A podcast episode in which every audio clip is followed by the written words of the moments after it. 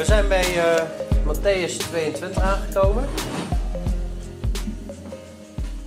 En uh, vorige keer hebben we het gehad over, vorige keren, over Jezus is Jeruzalem binnengekomen. Jezus heeft de tempel gereinigd. Hij is in discussie met uh, fariseeën. Hij heeft duidelijk gemaakt van, dat, dat Israël geen vrucht draagt met de gelijkenis van de landbouwers. En we komen nu Jezus is nog steeds in gesprek op de, op de dinsdag en op de vrijdag gaat hij gekruisigd worden. En Jezus is nu, uh, gaat verder eigenlijk met een, een, het gesprek met de, met de fariseeën. En hij was geëindigd met het verhaal van een, een, een, een twee zonen. Eén zoon die zei ik ga, maar hij ging niet. En die andere zei ik ga niet, maar ging wel in de wijngaard om vrucht te dragen. En dan heeft hij nog een verhaal over slechte landbouwers, die eigenlijk de profeten die steeds uh, gedood zijn en, uh, door het volk Israël. En Jezus gaat door. Hij heeft uh, een volgende gelijkenis en daarachteraan komt een stukje. We lezen Matthäus 22 vanaf vers 1 tot 22. En daarna gaan ze Jezus proberen te vangen met een, een valstrik, met een, een gemene truc om hem proberen woorden in de mond te leggen. We beginnen bij vers 1. En dan lees tot 22. Vanuit Matthäus 22. Jezus antwoordde en sprak opnieuw tot hen door, een gelijk, door gelijkenis en zei: Het koninkrijk der hemelen is gelijk aan een zeker koning die voor zijn zoon een bruiloft bereid had. En hij stuurde zijn slaven erop uit om de genodigden voor de bruiloft te roepen. Maar zij wilden niet komen. Opnieuw stuurde hij slaven erop uit, anderen.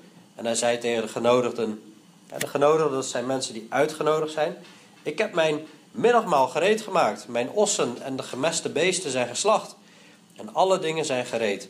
Kom naar de bruiloft. Maar zij sloegen er geen acht op. Ze, hadden er helemaal geen aandacht voor. En gingen weg. De een naar zijn akker en de ander naar zijn zaken. En de anderen grepen zijn slaven, behandelden hun smadelijk en doodden hen. Toen de koning dat hoorde, werd hij boos. En hij stuurde zijn legers, bracht die moordenaars om en stak hun stad in brand. Toen zei hij tegen zijn slaven: De bruiloft is wel bereid, maar de genodigden waren het niet waard. Ga daarom naar de kruispunten van de landwegen en nodig er voor de bruiloft zoveel uit als u er maar zult vinden. En die slaven gingen naar de wegen, verzamelden alle die zij vonden, zowel slechte als goede mensen, en de bruiloftszaal werd gevuld met gasten. Toen de koning naar binnen gegaan was om de gasten te overzien, zag hij daar iemand die niet gekleed was in bruiloftskleding. En hij zei tegen hem: Vriend, hoe bent u hier binnengekomen terwijl u geen bruiloftskleding aan hebt? En hij zweeg. Toen zei de koning tegen de dienaars: Bind hem aan handen en voeten, neem hem mee en werp hem uit in de buitenste duisternis. Daar zal gejammer zijn en tandengeknars. Want velen zijn geroepen, maar weinigen uitverkoren. Toen gingen de fariseeën weg en beraadslaagden. Ze gingen erover nadenken hoe zij hem op zijn woorden konden vangen. En zij stuurden hun discipelen naar hem toe met de Herodianen, dat zijn uh, dienaren van Herodes, en zeiden: Meester, wij weten dat u waarachtig bent en de weg van God in waarheid onderwijst. En zich door niemand laat beïnvloeden, want u ziet de persoon van de mensen niet aan. Zeg ons dan, wat denkt u? Is het geoorloofd de keizer belasting te betalen of niet? Maar Jezus, die hun boosaardigheid kende, zei: Huigelaars, waarom verzoekt u mij? Toon mij de belastingmunt. En zij brachten hem een penning. Dat is een, een geldstuk. En hij zei tegen hen: Van wie is deze afbeelding en het opschrift? En ze zeiden tegen hem: Van de keizer. Toen zei hij tegen hen: Geef dan aan de keizer wat van de keizer is en aan God wat van God is. En toen zij dit hoorden, verwonderden zij zich en zij verlieten hem en gingen weg. Alweer een gelijkenis. Jezus spreekt ontzettend veel in gelijkenis, in plaatjes. Hij wil ons plaatjes geven om te begrijpen hoe het koninkrijk van de hemelen eruit zal zien. En het koninkrijk van de hemelen, dat gaat over de tijd van de gemeente. Johannes de Doper riep al: Bekeer u, want het koninkrijk van de hemel is nabij. Dat waren zijn eerste woorden. De eerste woorden van Jezus waren: Bekeer u, want het koninkrijk van de hemel is nabij. Van de hemelen, uh, het koninkrijk van de hemelen is nabij. Nou, hier gaat Jezus in gesprek in Jeruzalem, de grote stad waar hij gekruisigd gaat worden. Hij is in gesprek met de mensen die hem zullen kruisigen. Of in ieder geval ertoe toe aanvuren. En hij zegt: Het koninkrijk van de hemel is gelijk aan een zeker koning. die voor zijn zoon een bruiloft bereid had. En hij stuurde zijn slaven erop uit. om de genodigden voor de bruiloft te roepen. Maar zij wilden niet komen. Nou, ik heb hier een uh, plaatje. Wie is er wel eens bij een bruiloft geweest? Ja, wij zijn pas nog bij een bruiloft geweest hè, van uh, Jeremy en Sharon. Zijn jullie wel eens bij een bruiloft geweest of wel eens gezien op tv hoe dat gaat? Nou, als er een bruiloft is, dan is dat een, een groot feest. Dat kost heel erg veel geld. Er zijn hele mooie kleren. Dit verhaal gaat over een koning. En die heeft een feestmaal bereid. Die heeft, die heeft een bruiloft bereid. Voor zijn zoon. Want zijn zoon gaat trouwen. Nou, kun je je voorstellen. Ik als vader. Stel, ik heb heel veel geld. Ik ben een koning. En uh, Josai is bijna 20 jaar en die wil gaan trouwen. En ik zeg, ik ga een groot feest bereiden voor mijn zoon. En we gaan alle mensen die wij kennen, waar we van houden, die ons dierbaar zijn, die gaan we uitnodigen voor die bruiloft. Dan hoop je toch dat die mensen komen, of niet? Als alle mensen die wij kennen en waar we van houden, dan vervolgens zeggen van, ja, wij willen niet komen, dan ben je echt verdrietig. Dan, dat, dat raakt je in je hart. Hè? En dit, deze gelijkenis gaat eigenlijk over God de Vader die de koning is. Jezus is de zoon. En God de Vader heeft een bruiloft bereid. En de bruiloft is voor, tussen Jezus Christus en de gemeente.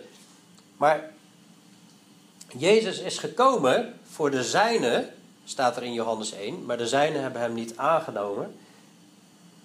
En de zijne, dat is Israël. Maar zoveel die hem aangenomen hebben, dat zijn wij. Die heeft hij macht gegeven om kinderen van God te worden. Namelijk die in hem geloven. Dus die eerste mensen, die willen niet luisteren. En opnieuw stuurde hij slaven erop uit, anderen.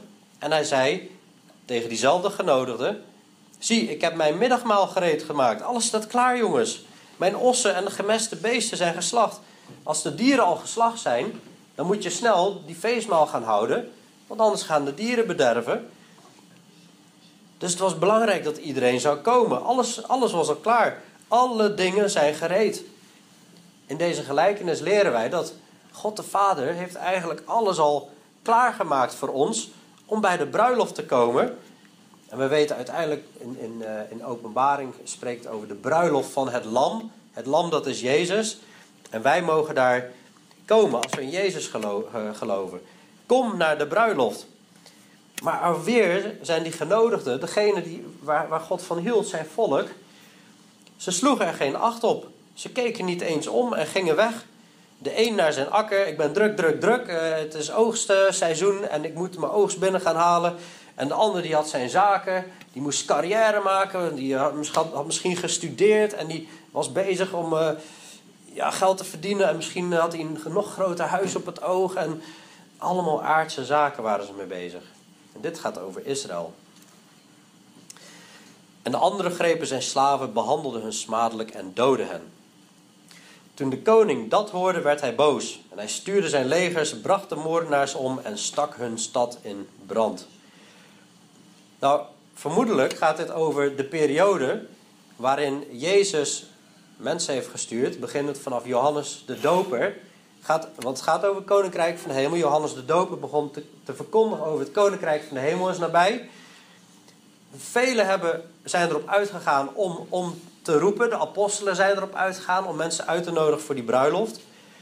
Maar mensen wilden niet komen. En uiteindelijk zelfs tot en met Stefanus, die vol van de Heilige Geest was en het woord verkondigde, die hebben ze gestenigd. Uh, Jacobus, een van de apostelen, die is onthoofd. Johannes de Doper is zelf ook onthoofd. Ze sloegen, ze sloegen geen acht op, gingen uh, ieder naar zijn akker, de ander naar zijn zaken. En de grepen zijn slaven, behandelden hun smadelijk en doden hen. Dan wordt de koning die wordt dus boos en hij stuurt zijn legers, bracht de moordenaars om en stak hun stad in brand.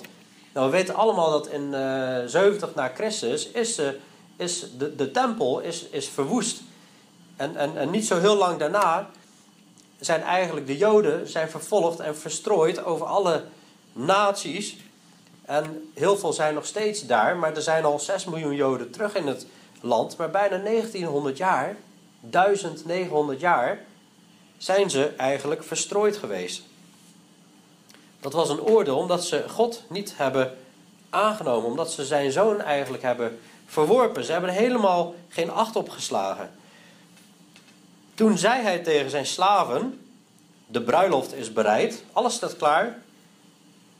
De ossen en het gemeste beesten die zijn geslacht, alles staat klaar. En toen zei hij tegen zijn slaven: De bruiloft is wel bereid, maar de genodigden waren het niet waard. Ze zijn het niet waard. Ga daarom naar de kruispunten van de landwegen en nodig er voor de bruiloft zoveel uit als u er maar zult vinden. God, het lijkt alsof hij hier een plan B heeft, maar met, op basis van andere stukken weten we dat, er, dat dit niet een plan B is. Dit hoorde in het plan van, van God. Want er is namelijk een boek, staat in Openbaring 13, het boek van het Lam. En daar is zijn namen geschreven vanaf de grondlegging van de wereld. Dus het lijkt een plan B, tegelijkertijd is God bezig om zijn bruid te halen. En het lijkt een beetje alsof ja, wij degene zijn, uh, nou zoveel als u er maar zult vinden, pak maar iemand, kies maar iemand, dat zijn wij.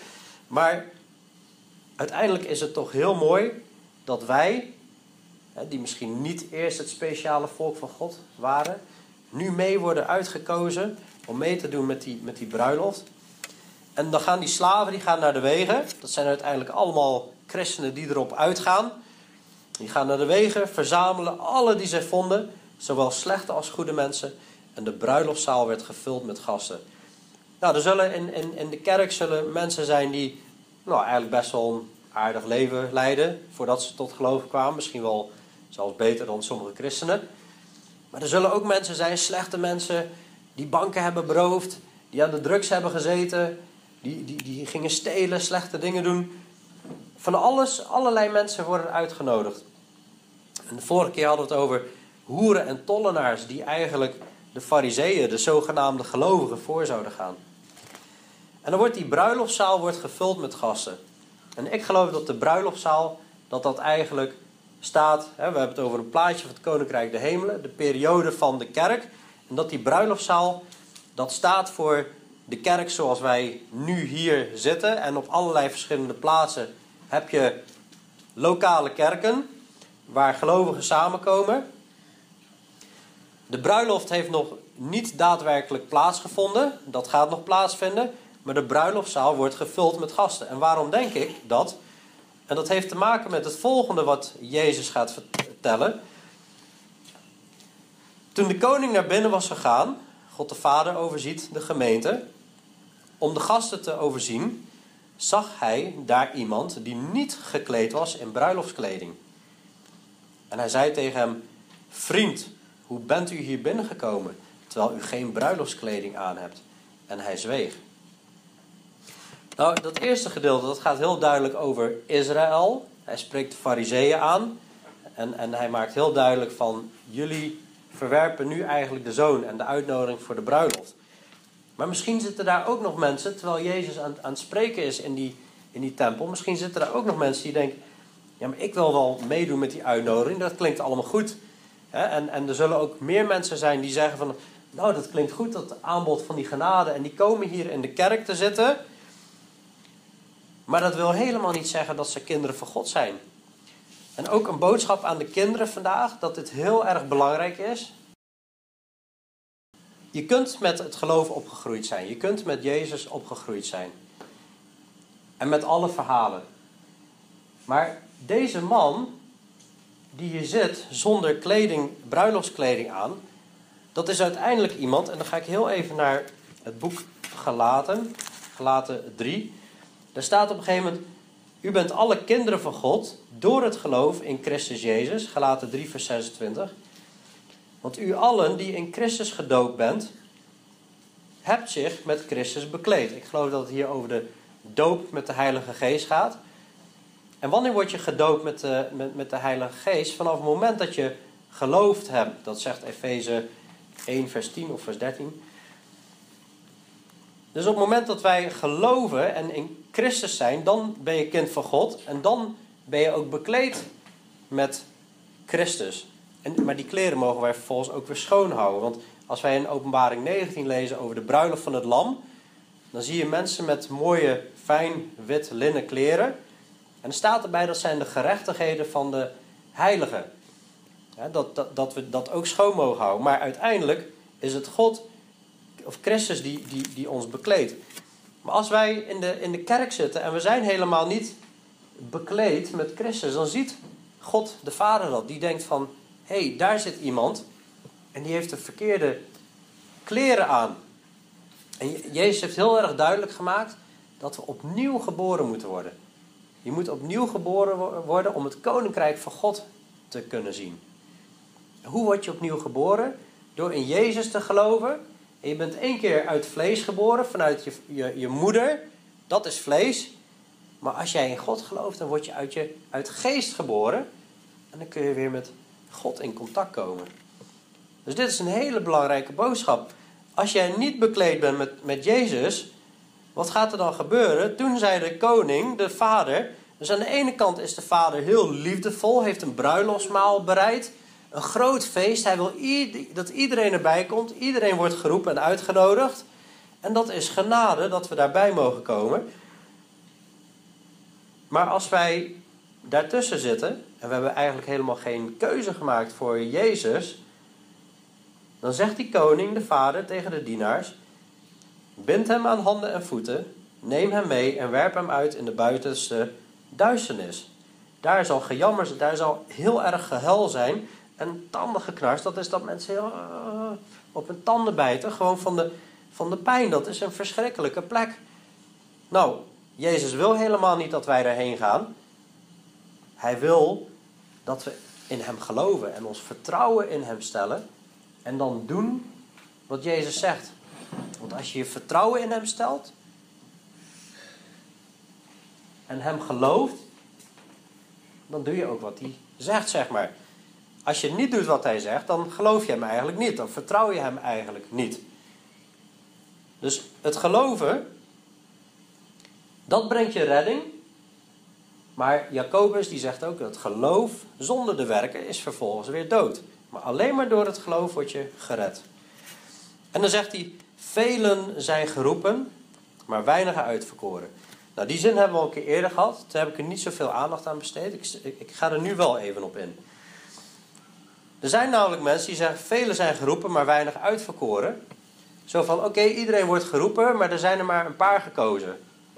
Door God. Dus ja, wie zijn wij? We hebben er eigenlijk geen invloed op. Voor degene die bij de bruiloft mogen deelnemen. Ja, velen zijn geroepen, maar weinig uitverkoren. Maar de Bijbel zegt ook: de dingen van God die onzichtbaar zijn, worden sinds de schepping van de wereld uit zijn werken gekend en doorzien. Namelijk en zijn eeuwige kracht en zijn goddelijkheid. Dus vanuit de schepping kunnen we Jezus leren kennen, God leren kennen. En, en, en zien hoe wonderlijk alles gemaakt is. En niemand zal een excuus hebben. Niemand zal het verontschuldigd zijn. Dus aan de ene kant, ja, God kiest mensen uit. Maar aan de andere kant, iedereen heeft een eigen verantwoordelijkheid om te kiezen. En je zou er eigenlijk als dit plaatje kunnen zien. Wat voor dier of wat voor dieren zien jullie hierin? Ja, zeg maar. Een konijn. Oké. Okay. een eend. Een eend. Ja, is het nou een konijn of een eend? Een konijn. Wat zie jij, Nevia? Een eend. Iemand, iemand anders nog iets? Wat dan? Ik zie het allebei. Jij ziet het allebei? Oké. Kijk, als je hier, als je dit ziet als een snavel van een eend, en dit het oog en dit het, dit het hoofd, dan zie je een eend erin, hè? Ziet iedereen dat? Ja. Dit is de snavel, hoofd, oog. Ja. Je kunt ook dit zien als de mond van een konijn. En dan zijn dit de oren. En dan is dit het hoofd en het oog. Zie je dat? Wat is het nou? Is het nou een konijn of is het een eend? een kneent. nee, maar kijk, dit is, dit is het grappige. Hè? Christenen hebben hier heel veel discussie over, over dit onderwerp. Nou, ik, ik heb er helemaal geen moeite mee. Uh, sommigen zeggen, ja, maar er is uitverkiezing. En, en zeggen vervolgens, we gaan maar niet meer evangeliseren of mensen uitnodigen om een keuze voor Jezus te maken, want er valt niks te kiezen. God die kiest uit. Dat is niet helemaal waar, want we, mensen hebben ook een, een eigen keus. Uh, ze kunnen God zien uit de uh, schepping, hebben eigen verantwoordelijkheid. En we moeten evangeliseren. Aan de andere kant zeggen mensen, nee, maar uh, we, zijn geen, we zijn geen robots. dit moet je wat anders zien. Nou, het, het zit er gewoon allebei. Het is eigenlijk als dit plaatje. Je ziet een eend en je ziet een, een, een konijn. En het zit er allebei. Je kunt heel lang discussiëren. Nee, het is een eend, nee, het is een konijn. Het zit er allebei. Ik vind dat Corrie ten Boom daar eigenlijk heel mooi verwoord heeft een keer. Als God je roept, kun je eigenlijk zien alsof je door een poort gaat. Een grote muur met een, met een poort erin. En dat er eigenlijk op staat van... Kom tot mij, allen die vermoeid en belast zijn. En dan ga je op een gegeven moment... Kom je daarheen, je geeft daar gehoor aan. Je gaat door die poort naar binnen. En op het moment dat je binnen bent en je kijkt dan terug naar die poort... Dat er dan als ware staat... Uitverkoren vanaf de grondlegging van de wereld dit is eigenlijk een, een bemoediging naar gelovigen. Kijk, God die, die zag al vanaf de schepping van de wereld, zag hij ons. En wie gingen kiezen voor hem? En hij koos die uit. God zag dat al. Het is bedoeld ook als een bemoediging. Dus dat even over de uitverkiezing. En dan komen ze naar uh, Jezus toe.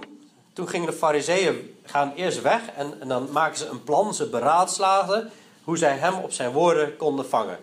Want na weer zo'n boodschap van Jezus van... Wat, we zullen, we zullen naar de hel gestuurd worden. Nou zijn ze wel klaar met die, met, met die, met die Jezus, die onruststoker... die hier allemaal mensen in verwarring aan brengen is. En, en ze beseffen volgens mij eigenlijk wel diep in hun hart... dat ze met God te maken hebben. Maar ze zijn bezorgd over hun eigen plek, hun eigen positie. En ze stuurden hun discipelen naar hem toe. Dus die leiders van de fariseeën gaan niet eens zelf. Ze sturen de discipelen met de Herodianen. Dat zijn de dienaars van Herodes. Waarom sturen ze die mee? We gaan eens even kijken waarom ze die meesturen. Dat komt zo. Dit is een uh, muntstuk. Dat ga ik zo uitleggen. En ze zeiden: Meester. Nou komen ze met allemaal prachtige woorden. Meester. ze, ze, ze zeggen eigenlijk: we erkennen wel dat u wel een bijzondere plek hebt. Hè? Wij weten dat u waarachtig bent. En de weg van God in waarheid onderwijst. Dan moet je altijd oppassen. Hè? Als mensen zulke mooie woorden beginnen te spreken, dan uh, moet je een beetje op gaan passen. Want dan, uh, dan staat er iets te gebeuren waarschijnlijk. Ja, en u laat zich door niemand beïnvloeden. Want u ziet de persoon van de mensen niet aan. Je kijkt niet naar of iemand rijk is of arm of een belangrijke positie heeft. En dan komt de valstrik, de strikvraag. Zeg ons dan, wat denkt u? Is het toegestaan, is het geoorloofd de keizer belasting te betalen of niet? Nou, dit is eigenlijk wel een hele slimme vraag van ze. Want wat als Jezus nou zegt: ja, ja, je moet gewoon geld betalen aan de keizer. Je moet gewoon belasting betalen. Als hij dat zou zeggen, dan zullen de mensen die hem volgen, die verwachten dat hij de Messias is en als koning komt heersen, die zullen denken: wat is dit nou? Wij verwachten een Messias die hier op zijn troon gaat zitten en onze koning wordt. En dan zal die mensen verliezen, aanhang verliezen. Maar als hij zegt: Nou, je hoeft niet te betalen. Dat hebben ze slim gedaan, want ze hebben dienaren van Herodes meegenomen. En Herodes was eigenlijk de heerser over het gebied. En dan had je de keizer. De keizer, dat was een soort opperkoning van het Romeinse gebied. Dat was de leider en die moest je belasting betalen. Dus als hij zei: nee, je hoeft niet te betalen, dan heeft hij de keizer tegen zich en de Herodianen. Maar Jezus, die heeft precies in de gaten wat ze aan het doen zijn. Hij kent hun boosaardige hart en hij zegt tegen hun huigelaars. Een huigelaar, dat is iemand die eigenlijk mooie dingen zegt, iets zegt, maar in zijn hart eigenlijk hele andere bedoelingen heeft.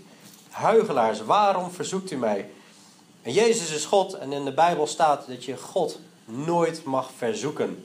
Je mag God nooit op de proef stellen en nooit testen. En dan zegt hij, toon mij de belastingmunt. Dit is uh, de belastingmunt. Of die precies was, weet ik niet, maar ik heb erop gegoogeld. Uh, en, en toen kwam dit naar voren. Maar het was in ieder geval een munt. En ze brachten hem een penning. En, ze zeiden, en, en, en Jezus zegt tegen hen, van wie is deze afbeelding en het opschrift? En ze zeiden tegen hem, van de keizer. Toen zei hij tegen hen, geef dan aan de keizer wat van de keizer is en aan God wat van God is. Dat is het slimste antwoord wat hij kon geven. Je moet gewoon aan God blijven geven wat van God is en aan de keizer wat van de keizer is. Maar eigenlijk als je nadenkt erover, dat elke keer als de Joden iets moesten betalen, moesten ze kijken naar het gezicht van de, van de keizer. En daar werden ze eraan herinnerd dat ze zelf niet meer een koning hadden over het gebied. En dat het, dat een oordeel was van God dat ze nu onder een, een andere koning leefden, een onderdrukking. Het was eigenlijk een, een oordeel. Dus Jezus zegt eigenlijk, je moet, je moet nog steeds geld blijven betalen aan die keizer. En tegelijkertijd zit daar eigenlijk nog dat, dat oordeel in. Dat ze nog steeds niet die eigen koning zullen krijgen nu op dit moment. En geef aan God wat van God is. Toen ze dit hoorden, verwonderden zij zich en zij verlieten hem en, en gingen weg. Nou, ik wil ook heel even stilstaan bij. Hè, de, boodschap is hier natuurlijk. Geef je hart aan God. Geef aan God wat van God is. En geef aan de keizer wat van de keizer is. Maar tegelijkertijd zit hier ook een, een les in van. Uh, wat zegt het Nieuwe Testament eigenlijk over wat je aan God moet geven? Ook, ook financieel, hè? Ook, ook qua geld, zeg maar. Nou, geef, uh, wat wisten de Joden op dat moment over wat ze aan God moesten geven? De Joden wisten heel duidelijk dat Abraham, dat was al voordat de wet van Mozes gegeven was, die gaf tiende aan Melchizedek. En Mozes die heeft geboden om de tiende te heffen voor de Levieten. Ja, dus heel het volk moest eten brengen en offers brengen en, en, geld. En daar konden dan de Levieten van eten. En in de, de profeet Malachi die zegt dat de mensen God beroofden door geen tiende en, en, en heffingen te geven. Daardoor beroofden ze God. Dus als wij niet van onze, vanuit onze inkomsten aan God geven, beroven wij eigenlijk God. En wat zegt het Nieuwe Testament er dan over? Nou, Jezus heeft al gezegd: geef God wat God toekomt. In 1 Korinthe 9 staat: uh, Weet u niet dat zij die de tempeldienst verrichten, dat waren vroeger de Levieten en de, en de priesters, die eten van het heilige. En dat zij die steeds bij het altaar verkeren, zij die steeds in de tempel werken, uh, die ontvangen hun deel van de offers van het altaar. Zo, eigenlijk op diezelfde manier, heeft de Heer ook, met het oog op hen die het evangelie verkonden, opgedragen dat zij van het evangelie leven. En dus uiteindelijk leren we steeds meer over wat Jezus heeft bedoeld van geef God uh, wat God toekomt. Dat mensen die arbeiden in het evangelie, dat kunnen zendelingen zijn, dat kunnen voorgangers zijn, dat kan uh, uh, op allerlei manieren zijn binnen het koninkrijk, dat die op dezelfde manier onderhouden zouden moeten worden. En dan gaat over opdrachten dat oude, ouderlingen onderhouden moeten worden van de, van de gemeente. Ja, mits dat gaat. Maar ook zusters die weduwe zijn, waar een man van gestorven is, die moeten ook onderhouden worden als hun eigen familie ze niet kan onderhouden. En er worden inzamelingen gedaan voor arme christenen. En zo zie je eigenlijk dat uh, de, de, de gemeentes gezamenlijk hun geld inzamelen en, en zo dus eigenlijk zendelingen, ouderlingen en, en armen en weduwen onder, onderhouden. En dan zegt hij, nadat ze een inzameling hebben gedaan, of opgeroepen worden tot een inzameling in één keer, oh, er moet twee keer in negen zijn trouwens, foutje. En dit zeg ik, zegt Paulus, wie karig zaait, wie heel zuinig zaait, zal ook karig oogsten. En wie zegenrijk zaait, zal ook zegenrijk oogsten. Laat ieder doen zoals hij in zijn hart voorgenomen heeft, niet met tegenzin of uit dwang, want God heeft een blijmoedige gever lief. En we lezen op een gegeven moment ook van dat mensen eerst hun hart aan de Heer geven en dan hun, hun, hun, hun middelen. En dat is natuurlijk niet om. Het, het, mag nooit zo zijn dat mensen dat in de gemeente opeisen om, om er flink geld aan te verdienen. Maar het, mooie is als mensen in het evangelie kunnen arbeiden en daardoor mensen tot geloof kunnen komen, kun je zo ook zaaien als je zelf niet veel tijd erin hebt. En zo kan het koninkrijk van God uitbreiden. En je ziet in handeling 4 de, de menigte, de eerste christenen van hun die geloofden, die waren van één hart en één van ziel. En niemand zei dat iets van wat hij bezat van hemzelf was, maar alles hadden zij gemeenschappelijk. En dat, dat is heel bijzonder wat hier staat. Dat, dat ik eigenlijk zeg van. Uh, Peter, heb je mijn auto nodig? Mijn auto is jouw auto. Weet je wel? Hier heb je mijn sleutel. Hier heb je mijn sleutel. Nee, maar zover ging dat. Ze deelden alle spullen met elkaar. Heel bijzonder. Nou, dat zijn we denk ik een beetje kwijtgeraakt in christendom. maar ja, dat is, dat is mooi om daar aandacht aan te schenken. En zo zegt Jezus van... Geef God wat God toekomt en geef de keizer wat de keizer toekomt. Kijk, wat de keizer vraagt of wat ons land vraagt, dat is gewoon opgelegd. Wij moeten gewoon belasting betalen. Moet je maar eens proberen om het niet te doen. Dan uh, krijg je allemaal blauwe enveloppen uh, op, op, op, je deurmat. Nou, wat is nou de kern van de boodschap vandaag? De boodschap is weer dat, dat God heeft een bruiloft bereid. God heeft iets heel moois bereid. God heeft een heel mooi plan bereid voor ons. Hij heeft een feest bereid. En hij nodigt ons allemaal uit om te komen naar dat feest. Maar er is maar één weg, één waarheid. En Jezus is het leven. En er is maar één weg tot de, tot de Vader, tot dat grote feest. En de uitnodiging is aan iedereen om te komen. En uiteindelijk leert Jezus door het voorbeeld van geef aan de keizer wat de keizer is en aan God wat God is. En God wat van God is.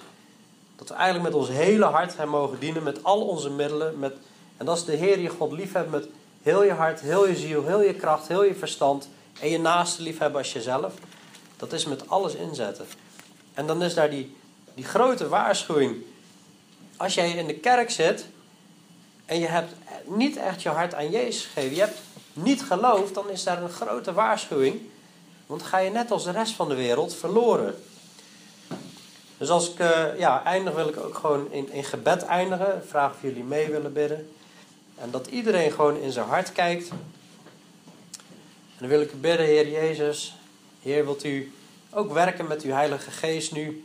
Heer, dat uh, ja, uw geest in de harten mag kijken en, en, en onderzoeken, Heer. En als iemand zijn leven nog niet aan u heeft gegeven, als iemand nog niet echt voor u gekozen heeft, Heer, om, om te zeggen: Heer Jezus, ik geloof in u en ik wil u gaan dienen en ik wil u gaan volgen. Met heel mijn hart wil ik mij geven. Heer, u, u vraagt geen half volgen, u vraagt, om, u vraagt ons om helemaal te volgen.